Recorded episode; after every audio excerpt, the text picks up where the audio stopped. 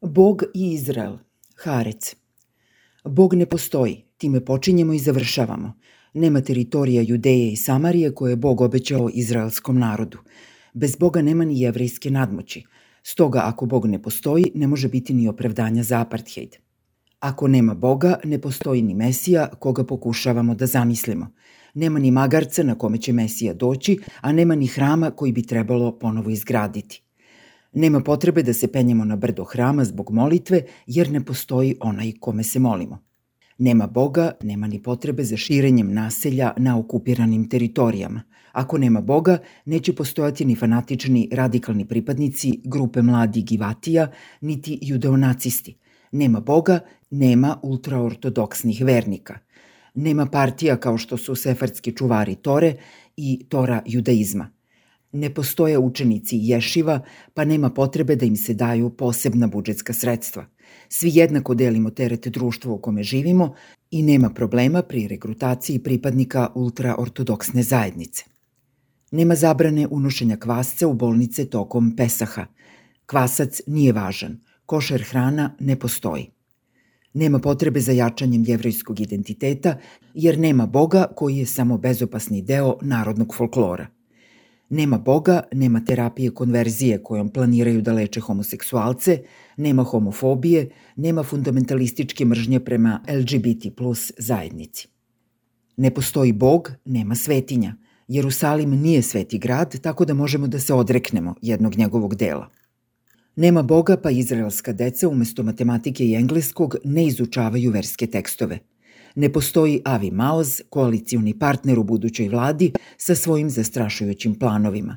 Nema Boga, nema mračnjaštva i primitivizma. Nema Boga pa smo racionalni. Podrazumeva se da kada i Iran bude prihvatio da Bog ne postoji, neće biti prepreka da uspostavimo dobre odnose sa Teheronom. Ni Hezbolaha više neće biti. Nema Boga, bit će sve u redu. Kad nema Boga, nema ni rabina. Nema Boga, nema ni evangelista i saradnje sa njima – Kada bi Bog nestao, svet bi bio mnogo bolje mesto. Ako Bog nestane iz Izraela, bit će to bolja zemlja prema svim merilima. Ekonomija će procvetati, država će biti prevednija, neće biti prenaseljena, bit će manje zagađena, oslobođena prve zapovesti o rađanju. Bog je loš za žene. Bog je loš za liberalne ljude koji poštuju slobodu pojedinca. Bog je prosto loša zamisao. Kada nema Boga, postoji istina – Istina o svetu kaže da svet nije stvoren, da univerzum nema svrhu, da je postojanje absurdno i da njima upravlja slučaj. Najpre živimo pukim slučajem, pa onda umiremo, a kada umremo tu je kraj. Ne postoji Bog, ne postoji drugi svet. Ako nema drugog sveta, nema ni mučenika. Ne postoje raj i pakao, postoji samo sada i ovde. Ne postoji Bog, postoji samo lična odgovornost. Odluka da se usvoji sekularni svetonazor je najvažnija odluka koju čovek može doneti u svom životu. Ovu odluku treba doneti zato što smo dobro informisani i samostalno razmišljamo, a ne zato jer su nas roditelji tako vaspitali ili zbog svog okruženja. Sekularizam je pravo koje počiva na uvažavanju velike istine da Boga nema, da smo sami u ovom svetu, da sami stvaramo pravila igre, da Boga nema, ali ima nauke. Nemojte govoriti da bez Boga nema utehe. Bez Boga nema lažne utehe. Bog ne postoji, postoji stvarnost koliko je štete učinjeno u zemlji Izrael u ime slepe vere u Boga.